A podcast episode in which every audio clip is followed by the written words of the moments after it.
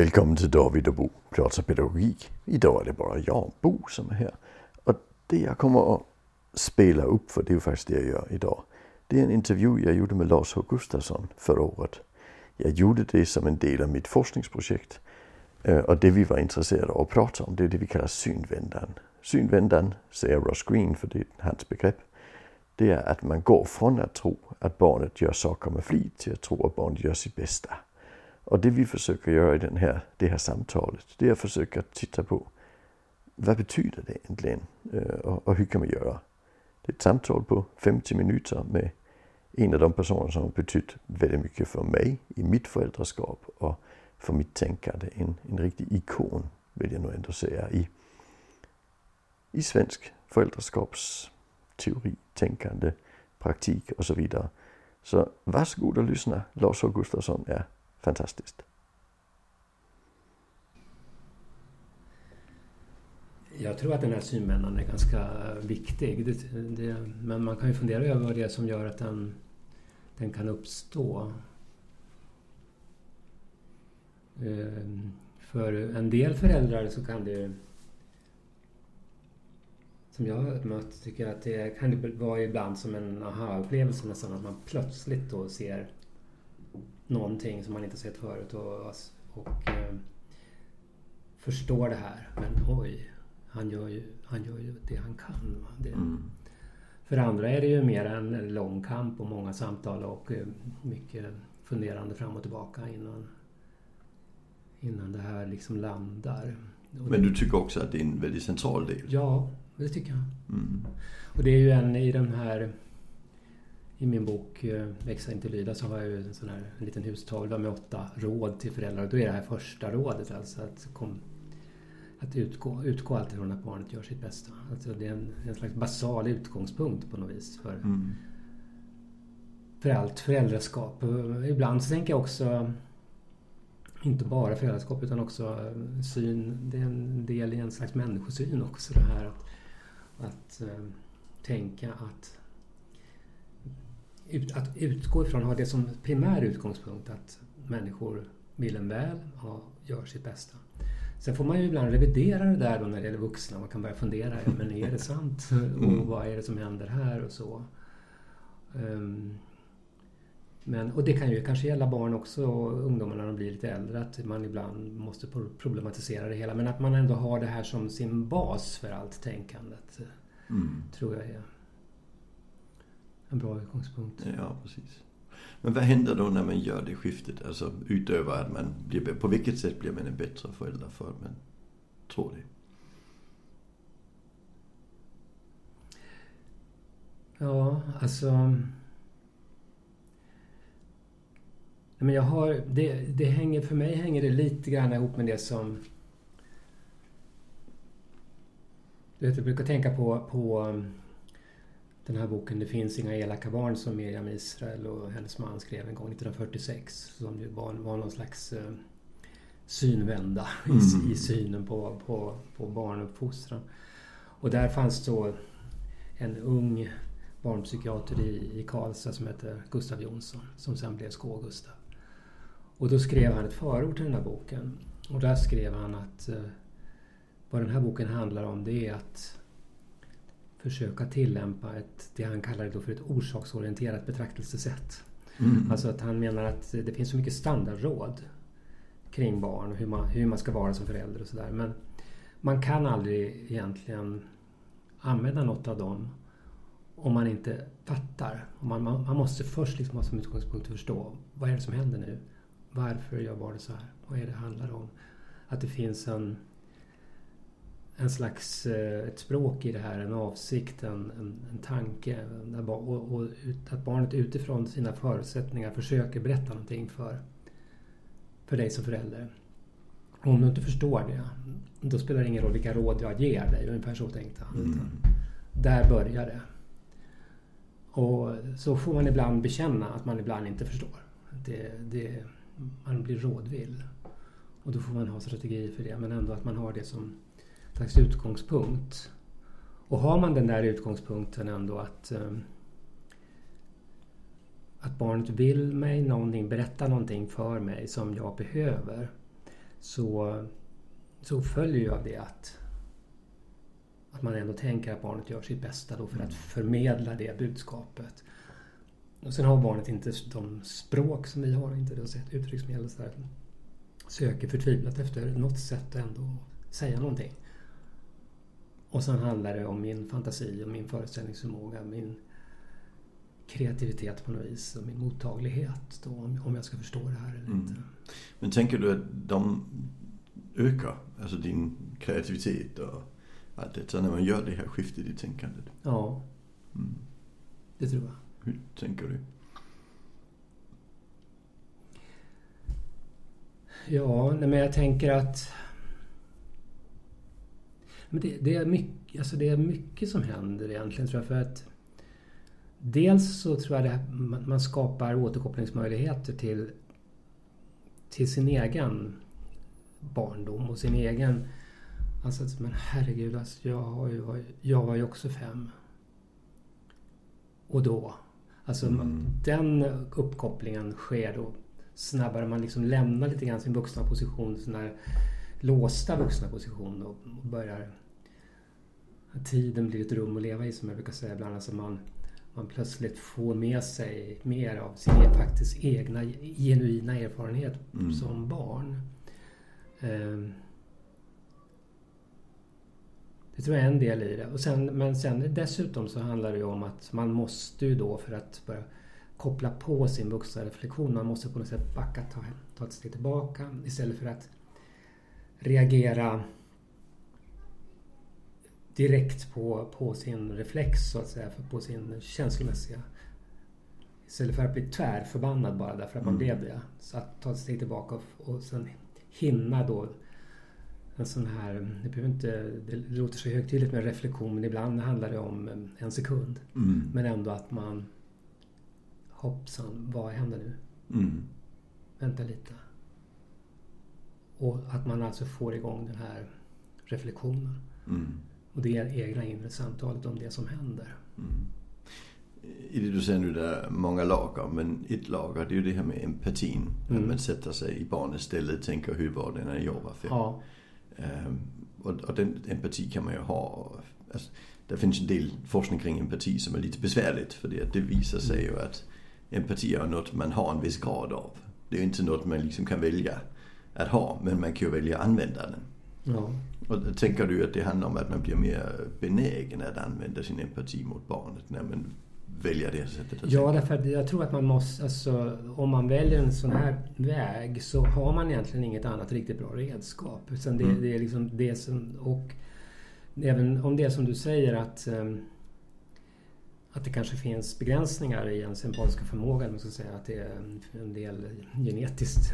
Ja, det, det, det, det kan vara alla möjliga ord, men det kan, kan, kan finnas begränsningar. Också, det kan, ja, begränsningar mm. av olika slag. Ja. Men, men, så är ju ändå min absoluta övertygelse, och det tycker jag inte minst i arbetet med barn i behov, alltså barn med olika typer av funktionsnedsättningar och så vidare som jag har jobbat med att ändå så många föräldrar berättar om vilken säga, empatiträning det här har varit. Alltså att man kan ändå utifrån den grundpotential man har i empatisk förmåga, mm. tror jag, utveckla den.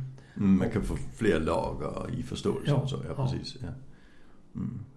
Men det kräver ändå den här tendensen, att, benägenheten att använda, vill jag säga. Uh, hur ska jag säga? Det, det jag är lite ute efter här, det är att ibland där, där känner man ju att uh, jag vill inte vara empatisk mot den här personen. Alltså Nej. jag vill inte sätta mig i hans, i hans skor. Och ibland det handlar om, jag, jag gör faktiskt det. Och, och, jag är lite intresserad i när vi väljer empatin och när vi väljer att titta moraliserande. Det är mm. egentligen den skillnaden som ligger i den här. Du ser också första och andra tanken. Den moraliska tanken är snabbare. Ja. Den empatiska tanken är långsammare. Ja, och då skulle, man, då skulle man kunna tänka sig det här att eh, ändå när det är, det någon, någon gång man borde så att säga vara motiverad till att göra en sån här synvända så är det just när det gäller ens barn då som mm. man ändå är så står så nära och så beroende av och som man ska leva så länge tillsammans med och så. Ehm, och det, så fungerar det väl för de flesta. Men det jag har funderat över ibland är ju det här att eh, när föräldrar säger så här att eh, Men det är något jag känner igen. Alltså det, och det är återigen då, är det att man på något sätt kopplar tillbaka till sin egen mm. genuina erfarenhet. Alltså det är någonting jag känner igen i det här barnet. Och, och man, jag har inte förstått det riktigt men jag måste liksom jobba vidare med det här. Och sen så kan de ju berätta när man har levt med ett barn med funktionsnedsättningar eller med eh, beteendeproblem efter en tid. Att nu ser jag att mönstren tydligare och klarare också. Det här fanns hos mig med, eller det fanns hos min, min bror ganska mycket. Sånt mm. där. Jag kände igen det. Och jag är inte rädd för det längre på något sätt. Va? Det, ja, precis, ja. Eh, men, eh, men däremot när, när jag blir orolig som barnläkare, det är när, när föräldrar säger att alltså jag, det här är ett annat slags barn. Jag förstår inte vad det handlar om. Det är en annan slags människa. Jag begriper ingenting. Mm. Vad tror du, den, den, den, du pratar rädd, tror du rädsla är en del av det? Ja, det tror jag. Så, så, så även folk, när man gör synvändande kan man liksom släppa rädslan mm. på något vänster. Mm. Det är ju jättespännande. Tycker jag. Sen tycker jag också det är så spännande när föräldrar ändå som har gjort den här synvändan säger, säger ibland orkar inte.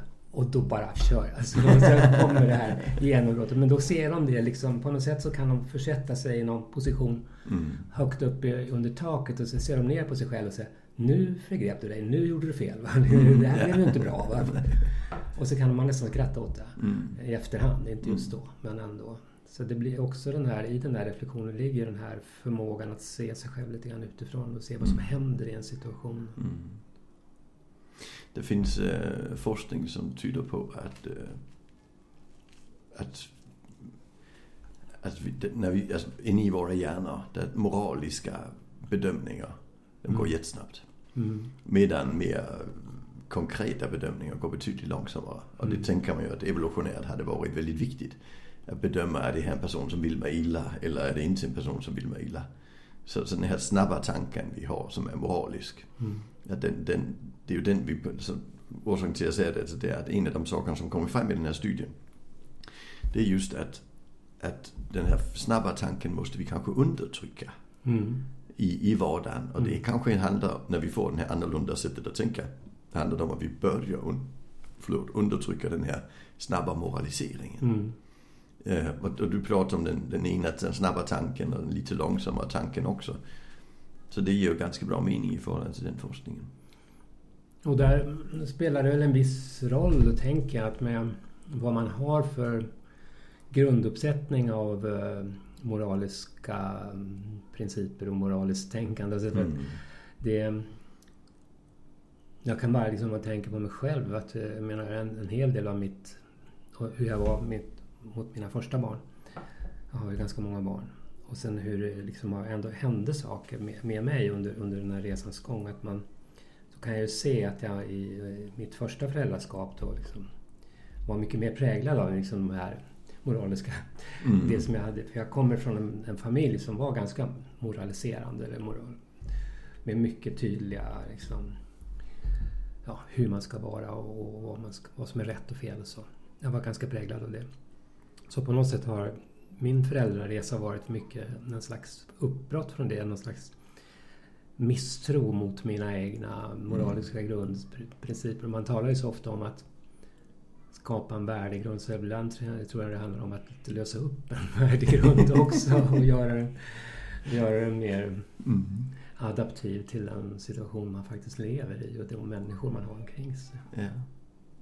Uh, en av mina intervjuer, sa den personen jag intervjuade, han sa att uh, han tänkte att den här synen när barnet gör sitt bästa, den har vi ju egentligen från början. Mm. Men sen någonstans på vägen, kanske runt tre års ålder i barnet, då förlorar vi den. Mm. Och sen gäller det att komma tillbaka till den. Eh, I, I den här processen, att du säger att du växte upp i en familj där man hade de här moraliseringarna. Är, är, det, är det det här med att förlora den Jag tror också synen? en hel del av den här av eh, fostran som, som eh, vi, många har liksom blivit utsatta för, om man ska säga, har ju handlat eh, om det. Att, alltså jag vet till exempel hur, efter att jag varit skolläkare, jag pratat med så många barn om det här, alltså hur jobbigt det är när vuxna säger liksom, ta ett vanligt utvecklingssamtal och så säger, så säger läraren då att Men jag vet att du kan bättre, säger läraren då. Mm. Och då är läraren kanske tror att det här är någon slags uppmuntran till barnet. Du kan bättre än vad du presterar. Och för barnet är det ju en käftsmäll. Alltså Ja. därför att men jag gör ju mitt bästa. Precis. Han säger att jag kan. Jag kan inte bättre nu. Mm. Men de tycker att jag ska kunna bättre. Och så blir det ju då, något, på det sättet blir det något moraliserande över det. Och det. Och det är väl det som barn har fått höra också mycket från sina föräldrar. Som är, alltså att du kan bättre. Skärp Mm. dig. Bara du vill så kan du. Mm. Jag vet det. Jag har sett det. Du kan mycket väl. man. Det här förstår du mycket väl. Hela tiden den, när man eh, överprövar det barnet faktiskt klarar av och lägger upp ribban då en bra bit högre. Där barnet känner att det är ouppnåeligt för mig. Ja, precis. Mm. Så det är begrepp som press och så som, som kommer in när den, när den syn, barnsynen är Ja, en del av det. och den kan jag mycket väl sådär med 3-4 så att det är då det börjar på något vis. Man barn Mm. mer och mer får höra det här. Ja, precis. Ja. Mm. Och sen tror vi att de måste pressas för att utvecklas. Ja. Också det är ju en missförstånd vi har i samhället. Jo. Mm. Ja. Mm. Eh. Föräldrars flexibilitet kring sina barn. Hur tror du det hänger ihop med detta med barnsynen?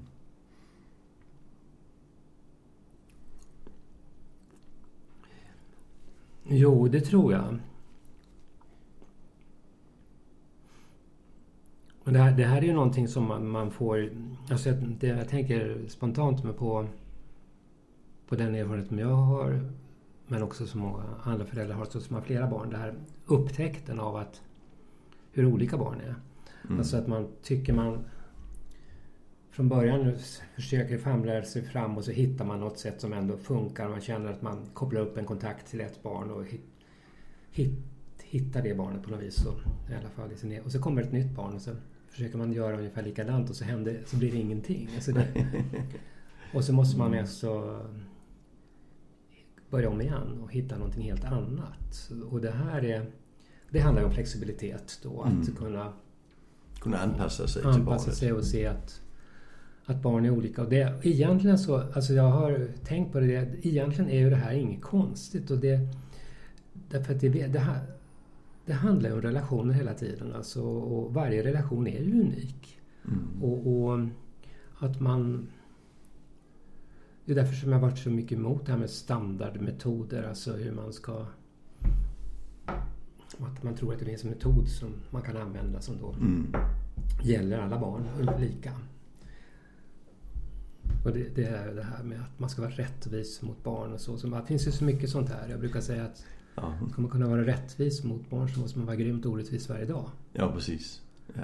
Och, och därför att barn är olika och situationen är olika och dagsformen är olika och allting Mm. hela tiden. Och den enda kompass man har då det är den empatiska förmågan att kunna läsa vad som är just nu. Mm. Och, och vilket barn det handlar om. För jag tänker att flexibiliteten där blir ju också en vardagssak. Det är ju inte bara att ändra sitt föräldraskap men också vad gör vi när vi är på Gröna Lund och Mm. han vill ha glass. Ja, ja. Jo, Det ju- ja, men och det där... Det, det har du säkert varit inne alltså det, och det är också, Då kommer det här igen då med konsekvens. Ja, att man ska ha konsekvens som förälder. Och, och jag brukar säga, det tycker jag inte. men, och det blir folk ju väldigt provocerade av. Mm. Det, det är klart att det underlättar för barn att veta att man ungefär, alltså någon slags grov ram som gäller och det finns vi kan inte begå lagbrott bara för att det är en familj. Ja, men det finns Mm. vissa grundläggande regler och, vi- och vi- över, grundläggande överenskommelser som vi gör i en familj. Det gäller mellan mig och barnen, det gäller mellan, mellan, mellan mig och den andra vuxna lika mycket som Mm. jag lever ihop med. Vi måste ha ett, någon slags kontrakt, något grundkontrakt. Men sen inom ramen för det så händer ju så mycket hela tiden varje dag och börjar man då sätta upp sådana här fyrkantiga spelregler om hur varje situation ska... Jag brukar säga att det, det, det lär sig till och med en fotbollsdomare att man kan inte...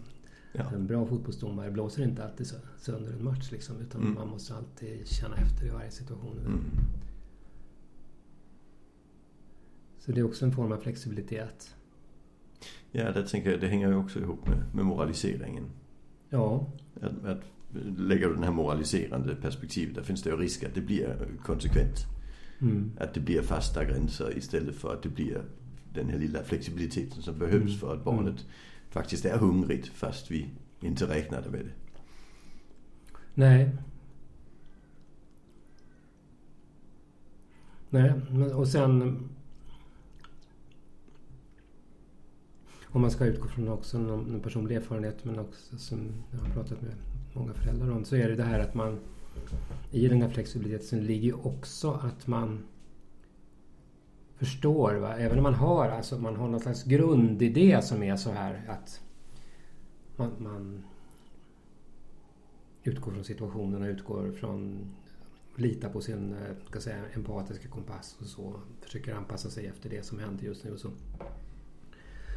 Så kan man som förälder hamna i situationer och då tänker jag mest kring tonåringar och har- och där man, det funkar inte. Alltså, man måste, utan man måste liksom ändra någon slags strategi. Att man säger att nu under den här tiden tänker jag inte låta dig göra det. Jag kommer åka och hämta dig. Va? Mm. Ehm, och jag kommer att lyfta in dig i bilen och kommer att köra hem dig och stoppa dig i säng även om du är 14 år. För, för just nu går inte någonting annat. Mm. Alltså, och, och det, och det har för mig har det, det var ett väldigt svårt beslut när jag hamnade i de situationerna. För det, är liksom det, här, det här sättet som jag hade ändå på något sätt försökt träna att jag kände mig hemma med och som jag tyckte funkade. Helt plötsligt inte gjorde det. Mm. Men det var ju, så det finns på något sätt, men då brukar jag tänka lite grann som Men, men det viktiga är, behövde du slä- släpa hem och lägga i säng? Eh, Ja, snudd på alltså. Snudd, men det är ju det, Ja. det, ju det som är det spännande. Ja, Att. Att, att vi gör markeringen. Ja. Men, men, och, och sen räcker den. Ja, oftast gör det ju det. Ja, precis. Mm. Men jag har ju faktiskt varit hem och kört och hämtat också men inte, inte brukat våld. Men Nej, alltså precis, bara det att man då dyker upp och säger nu är jag här. Precis som precis. jag sa. Nu åker vi hem. ja, precis. Och då gick det. Och då- ja, precis, så ja, jag var ja. väldigt tacksam för att de är tung att bära och man skulle försöka Precis. förverkliga Jag- det jag på något fick också ett telefonsamtal från min dotter någon gång. Jag är på tåget Ja. på väg till Odense. Och jag Ja. sa jag hämtar dig på stationen. Ja. Sen kastade jag mig i bilen och hämtade henne på stationen när hon kom fram. Ja.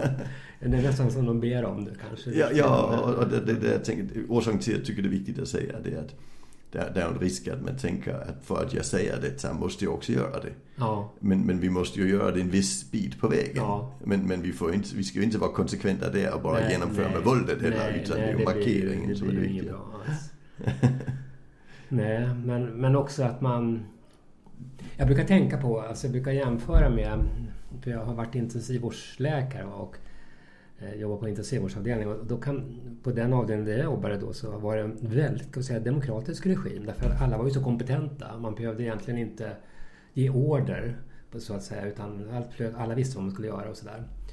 Och så plötsligt hjärtstillestånd. Va? Mm. Så det, blev det plötsligt en helt annan ordning. Och det var liksom, ingick i kontraktet. Då var det en som sa, du gör det, det, det, det. Mm. Under, och då är det en begränsad tid. Va? Mm. Och sen löser man det där. Och sen är man tillbaka Ja, precis. Ja. i, i det här. Och det kan jag, den situationen kan också kanske bli en familj, tänker jag ibland. Att, eller med barn. Att just nu krävs det här. Undan, alltså något slags undantagstillstånd för att lösa en helt extrem situation. Mm. Bara man vet om att det är det. Mm. Att barnen är trygga i att det återgår till det Ja, normala. och att man kan utvärdera. För det tror jag sen då i sådana lägen att man, det där med utvärderingen sen efteråt tillsammans Mm. är avgörande. Alltså. Ja, vad var det som hände? Ja. Ja, hur, ja precis. Kan vi undvika det här nästa gång? Det, Ja. det ska inte behöva bli så här. Nej, precis. Det är ju också ett viktigt mål. Ja. Att, att vi inte säger att det är metoden, Nej. utan vi säger att det är undantaget. Ja. Mm. Absolut. Hur tänker du att det här, att stress spelar in kring de här sakerna? Jo.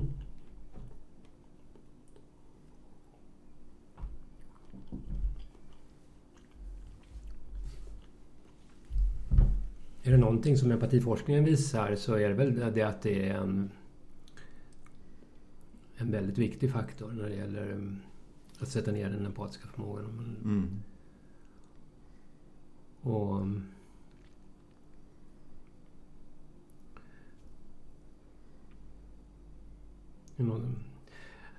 Har, har du läst Sanja Singer och hennes forskning från Leipzig? Nej. Hon är, tycker jag, en väldigt intressant forskare kring mm. de här områdena. Hon har ju ett stort tvärvetenskapligt team omkring sig. Och ehm, ja, hon betonar ju det här med... Alltså det är två saker hon betonar. Det ena är det här med stressens betydelse då. Att man, som man aldrig får glömma bort. Och att mycket av... Alltså att stressprevention eller sätt att försöka lära sig handskas med, med sin egen stress är, är avgörande viktigt om mm. man ska använda och våga använda empatin som så att säga, styrmedel. Mm. För då måste man hålla den i, någorlunda intakt. Va? Och då, ja. Och det andra hon betonar är ju det här att att empati aldrig bara får bli känsla utan att, alltså att hon betonar väldigt starkt det här med reflektionen kring alltså mm. att, att man reflekterar, utvärderar, känner, reflekterar utvärderar. Att man har det också då i en eh, personalgrupp där man har ständiga samt, reflekterande samtalet igång mm. oss emellan. Det är ju ofta det som brister och det är ju det många klagar över också tycker jag i skolan. Så att vi, vi hinner aldrig prata med varandra. Mm. Och än mindre reflektera på egen hand. Mm. Men äh, det här med, med synen på barnet, tror du det påverkas av stress? Alltså om det är en process med den här snabba tanken och den långsamma tanken. Jag tror liksom eh, grundsynen på barnet kanske inte behöver förändras så mycket. Men eh, agerandet mm. mera tänker jag att man... Eh, för jag tycker ändå föräldrar jag har pratat med och sådär och det det säger ofta det sen att jag, jag vet, jag vet precis vad jag vill göra. Så, och sen blev det så här. Och jag var så stressad. Mm. Och, och, jag tycker inte om mig själv när jag är sån. Och sådär. Mm. Och så någon slags... Um, och då kan det vara alla möjliga slags... Det, det behöver ju inte innebära att man är har jobbat över och är väldigt trött och sånt. Det är nästan, utan det är mera någon slags inre stress. Att man inte är riktigt i takt med sig själv. Eller man orkar inte med liksom att vara sådär empatisk som man egentligen vill. Och orkar inte mobilisera sin mm. flexibilitet eller medkänsla. Utan det, och då bara, då är man tillbaka i det här gamla sättet som nu gjorde jag precis som mamma gjorde. Alltså tusen gånger. Jag aldrig ska jag göra som hon alltså. Ja. Ja, du ser. Mm. Och så är man uppgiven och liksom känner sig väldigt misslyckad över att det ja. blir så. Och då är det ju ofta stress som ligger bakom det. Mm. Jo, absolut. Hur har du jobbat med att hjälpa föräldrar att, att tänka rätt? Alltså har det varit samtal? Eller, eller vad, vad, alltså, vad är det för typ ja. av... Ja. Jo. Oh ja, men det har jag haft väldigt många samtal med föräldrar. Både i både enskilda, ofta kommer det här upp i enskilda sammanhang pratar egentligen om något annat. Mm. Och eh, det, ibland brukar jag tänka att det är en av fördelarna med att vara barnläkare. Alltså att för att man sitter och pratar om någonting egentligen väldigt somatiskt eller sådär. Som, och så plötsligt är man inne i de här samtalen. Liksom det, det blir lättare att ta upp det då. Alltså man, mm. Föräldrar har svårare att gå till en psykolog eller sådär, beställa tid och liksom bekänna sin... Ja, psykiatri. Ja, ja, precis. Ja, mm. Utan man, man vill inte definiera sig som det, mm. än i varje fall. Och, det, och en del av mitt jobb har ju varit ett motivationsarbete. Så att man, mm han efter några samtal säger du, bredvid mig här i rummet bredvid så sitter Anna-Lena. Hon, hon är jättebra på sånt här också. Ja men du är vår doktor. Säger de. Ja, ja, jag tänker inte släppa. Han har ont i magen. Magen är min, brukar jag säga då. Men att det skulle, jag tror vi kan vara två som jobbar med det här. Va, och så. Det, men... Eh, så, så det är sådana samtal. Men sen har jag också jobbat en hel del med föräldragrupper. Och eh, det tror jag kan vara en... en stark kraftkälla ibland för vissa föräldrar i vissa sammanhang så, så tycker jag det har, har kunnat bli bra. Man mm. får syn på sig själv genom andra på något sätt. Man, och, ja, och känner att man är inte ensam om det här. Det här verkar ju vara ganska många som upplever det likadant som jag. Som tycker det är svårt? Ja. ja. När, när, du har haft sådana grupper, har, har, har, du då tänkt att målet var att förändra synen? Eller har målet varit konkret? Eh, att hjälpa dem hitta bättre strategier? Det har varit olika. Det beror lite grann på vilken, vilken fas man är i. Därför att sen är ju, du vet, jag är ju gammal aktivist också. Alltså, jag är barnrättsmänniska. Mm. Alltså, jag kom ju in i det här från två håll. Liksom. Det ena är ju då den här vanliga kliniska vardagen då.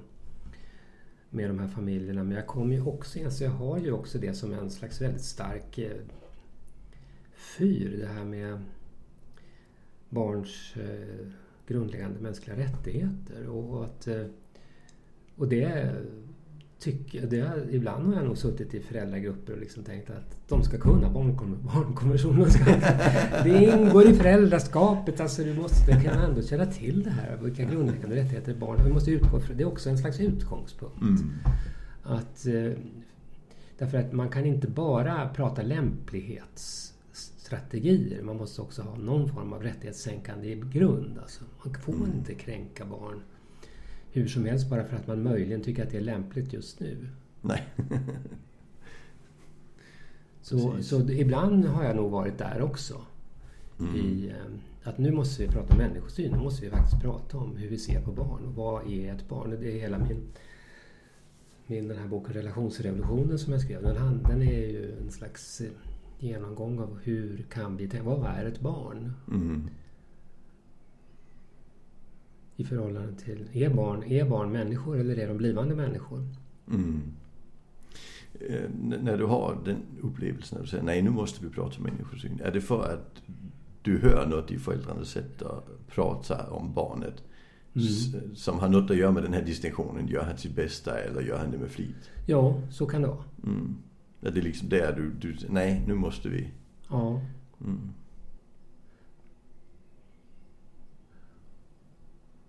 Och det, det, jag vet inte, det måste väl du ha råkat ut för liksom också. Man, man kan ju bli...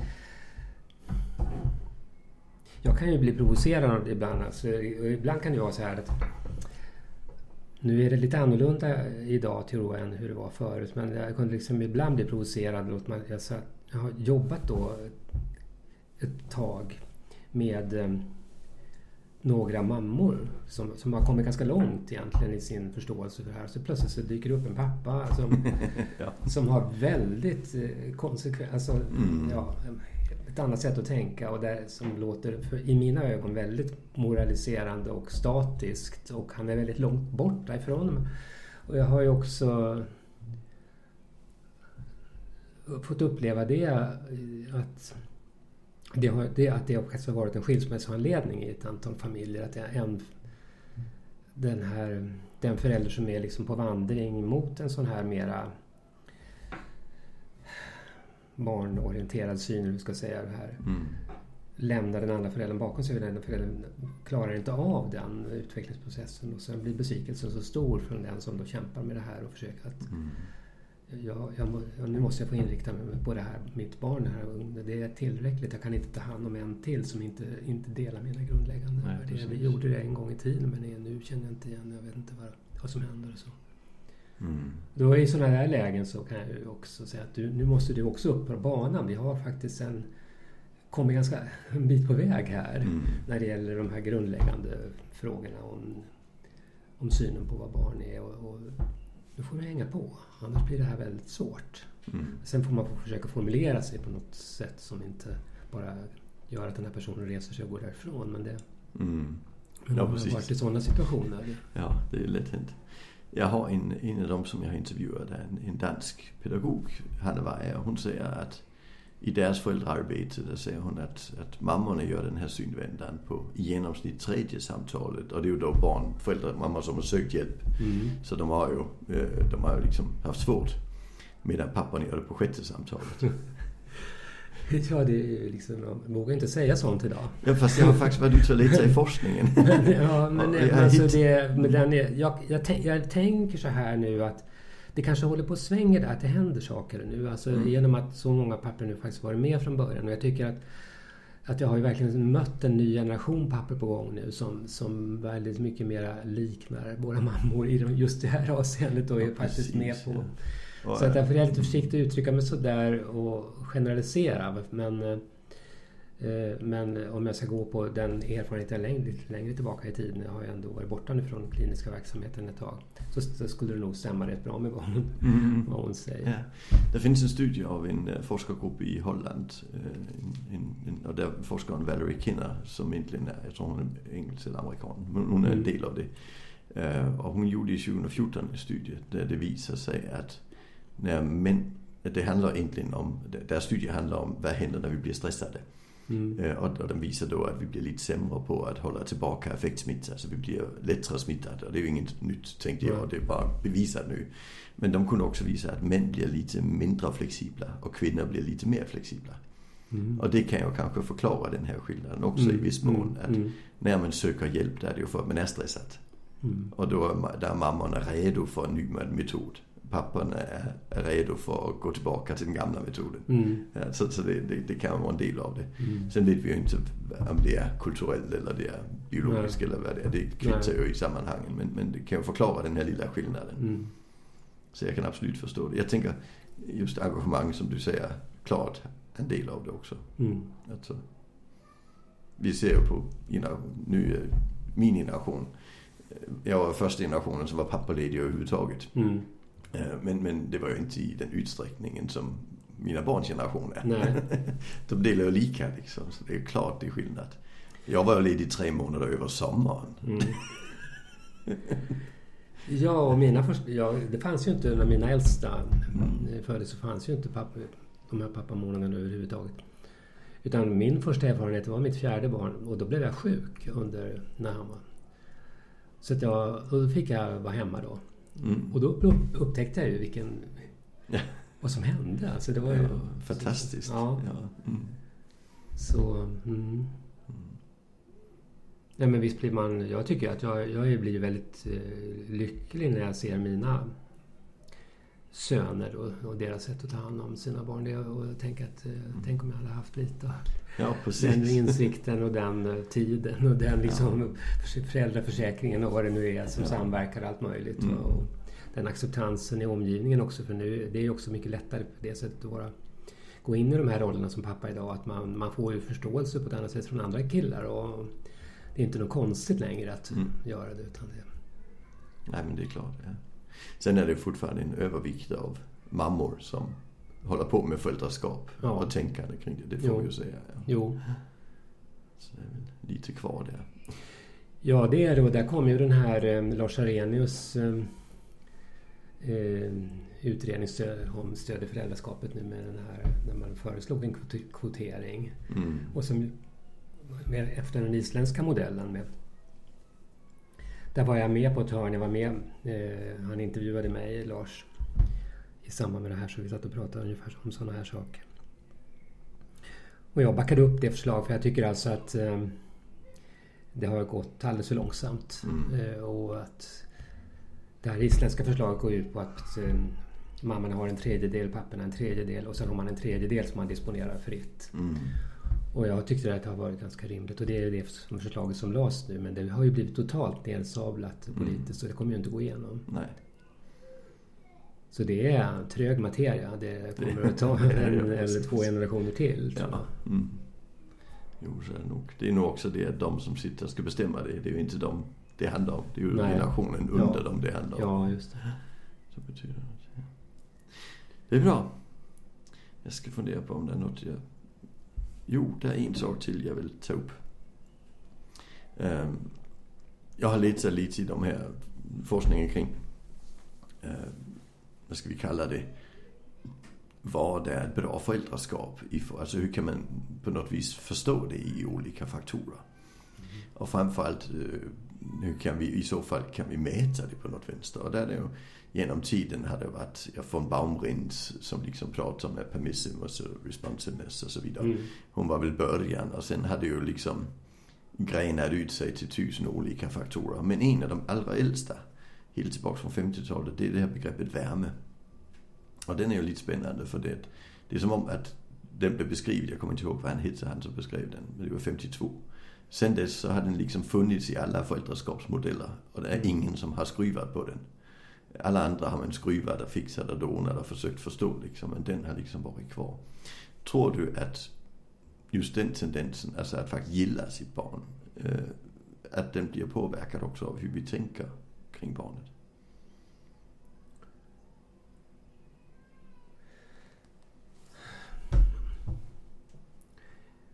Jo, men det, det, det tror jag.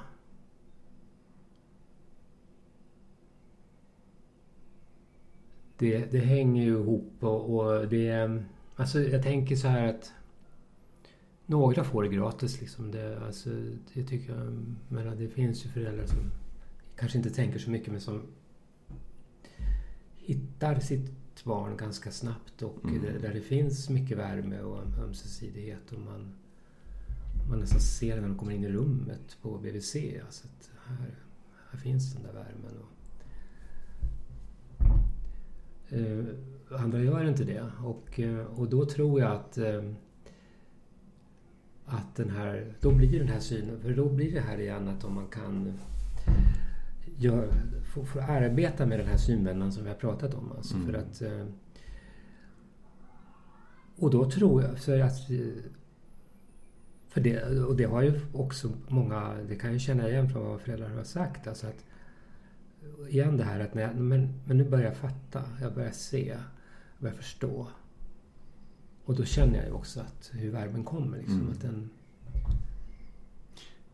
Mm. Men kan nu, för att försöka förstå, jag fångade något i det du sa jag inte tänkt på innan. Och det är det, det du säger att ibland där är värmen så pass stor så då kommer Alltså där är synvändan onödig för den är redan där. Mm. Och att, det, att värmen är en bärande faktor i att den är där. Ja. Så det är den som inte har den samma värme som egentligen måste göra synvändan. Ja, kanske. Mm. Att det, det den, den, den, den, har man den här värmen så hjälper den väldigt mycket till för att den här mm. synvändan ska komma nästan av sig självt på något mm. sätt. Jag är lite det... intresserad i de, här, de som vi inte behöver jobba med, som har rätt syn från början. Ja. Vad är det som avgör att de har, och även de, så fort vi nämner det, då faller de i. Mm. Alltså liksom, ja men det är ju sant, han gör sitt bästa. De mm. alltså det, mm. Vi behöver bara säga det. Mm. Medan andra måste vi ju jobba med det. Och då tänker ja. du att värmen kan vara en faktor alltså? Ja. Mm. Ja, det tror jag. Varken du eller jag har använt begreppet anknytning. Nej. och det tycker jag är intressant att vi sitter här och pratar om, ja. om det här utan, utan att använda ordet det, det, det, det, är är en process, så det är, det är, det är, det är svårare att, att, att, att greppa den. ja. Mm. Nej, men därför att det har ju blivit något nästan mystiskt eh, begrepp det där med anknytningen och det så jag tror det är bra att man problematiserar det, försöker hitta ett annat språk också mm. för de här sakerna än att bara prata om det. För det blir så tekniskt på något sätt ibland tycker jag. Mm, och det, blir, det, det, är ett väldigt stort begrepp också, tycker ja. jag. Så, så det, det, alltså jag, jag gillar ju de här när vi, när vi får ner det i några ord mm. vi kan mm. förstå. Sen mm. förstår jag att anknytningsprocessen är beroende av alla de här sakerna. Mm. Mm. Men, men, men alltså det är också beroende av barnet. Mm. Alltså det är ju inte bara föräldern. Nej. Och där tänker jag dynamiken här kring, kring värme är också beroende av barnet. Mm. Något som jag har upptäckt hos, hos våra barn när de har fått barn. Mm. Det är ju den här enorma förälskelsen i bebisen vi ser. Mm. Som vi tycker är så enormt intressant mm. hemma hos oss. Ja, alltså, ja, ja. vi snackar om den, jag och min fru liksom. Mm. Men hon är så förälskad i sitt mm. barn. Mm. Och, och, det är ju en del av anknytningsprocessen. Mm. Men det är ju egentligen värmen som, som är, är faktorn i detta. Och, och, det kanske inte är alla som har lika lätt att bli det. Förälskade i sitt barn. Nej. Det finns ju också, alltså, och det är ju också om man ska gå till de här lite mystiska dimensionerna för, och som ingår i det här med barnsynen, som för mig har blivit egentligen viktigare och viktigare. Och det är det här tänkandet som jag brukar ibland prata om som ett samiskt tänkande, men det finns ju i många naturfolk också. Det här, den här eh, nyfikenheten på barnet. Va? Att man, den här tanken att, att barnet vill mig någonting, har ett budskap till mig som förälder. Mm. Och, och, det är ju det som finns i det här tänkandet när man står med ett nyfött barn i famnen. Så är den första tanken man ska tänka, vem är du och vad vill du mig? Mm. Och om jag ska få reda på det, då måste jag hitta dig. Och jag måste ha tålamod och jag måste eh, behandla dig med respekt och sådana där saker. För annars kommer det där gå förlorat. Och då går, då går någonting förlorat för mig. Då fick Precis. jag ju inte det som jag behöver för min mm. utvecklings skull. Att man, och sen att man då i det här att varje barn har någonting alldeles unikt som ingen annan har. Mm. Och, eh, så att, och det för mig har det varit väldigt... Jag har ju åtta barn. Liksom tänka, vad har Signe haft för budskap till mig? Vad har mm. Erik som här? Och då kan, jag kan ju se det så småningom. Det tar några år. Va? Men mm. om, man, om, man, om man har den blicken med sig redan från början att här kommer en person som vill mig något. Mm. Och eh, alltså inte bara att jag ska ge någonting och någonting som förväntas av mig som förälder utan en unik möjlighet för mig till en, en erfarenhet som jag annars skulle gå miste om. Mm. Och jag tänkte inte minst det här att tänka så när det gäller barn med funktionsnedsättningar och sånt. För det, har, det brukar jag prata om det här därför att där blir det ju så lätt så att vi talar om det här med behov och särskilt stöd. Att vi börjar prata så mycket om behov, någonting vi ska ge. Mm. Och eh, vad är det som saknas? Och det ska vi då fylla i på något sätt. Vi ska komplettera, vi ska så. Och ge då, hitta det där särskilda stödet. Man tänker så mycket så. Och, eh, och så tappar man bort att ja, men just det här barnet har ju någonting som är alldeles unikt som jag behöver och som ingen annan har. Mm. Och att också... Jag brukar använda Per-Gunnar Evanders gamla bild från en av sina romaner. Det här att man vill bli sedd i sitt friska öga, inte bara i sitt sjuka. Och att, man, mm. att människan har två ögon. Mm. Och blir man bara betraktad i sitt sjuka öga hela, hela tiden så, så är det någonting som händer, någonting som blir väldigt skadligt för en. Mm. Och att hur beroende man av är som barn alldeles oavsett vem man är men alldeles, kanske särskilt om, om man har någon form av problem eller som de vuxna upptäcker och då börjar inrikta sig mot att få bli sedd i det här friska. Alltså med det här, mm. den här nyfikna blicken. Någon som faktiskt alldeles ärligt tror att jag har någonting väldigt speciellt att komma med. Som de behöver. Mm. Eh, vilken upplevelse för ett barn att känna den förväntan och den, den nyfikenheten i de vuxnas blick. Mm.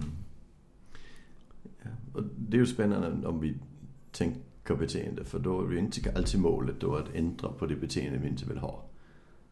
Där kan målet vara att försöka förstå. Mm. Jag, jag, jag, är väldigt intresserad av det här med att det verkar som att vissa funktionsnedsättningar vill inte föräldrarna vara utan. Efter bara ett par år. Mm. Medan andra mm. vill de jättegärna vara utan. Ja, ja, och det är ju jättespännande. Ja. Att det, det, måste ju vara för att det är något vi får av vissa barn. Men det är mm. inte säkert att vi får dem av alla barn. Nej, eller man hittar det inte. Nej. Mm. Och det kan ju vara svårt att liksom vara envis där. Att hela tiden ändå tänka så. Jo, du, kom, du har någonting och jag kommer så småningom förstå. Just nu gör jag det inte men jag kommer att förstå det. Mm. Och där behöver man hjälp tror jag som förälder att liksom inte tappa den, den nyfikenheten på sitt ja, barn. Mm.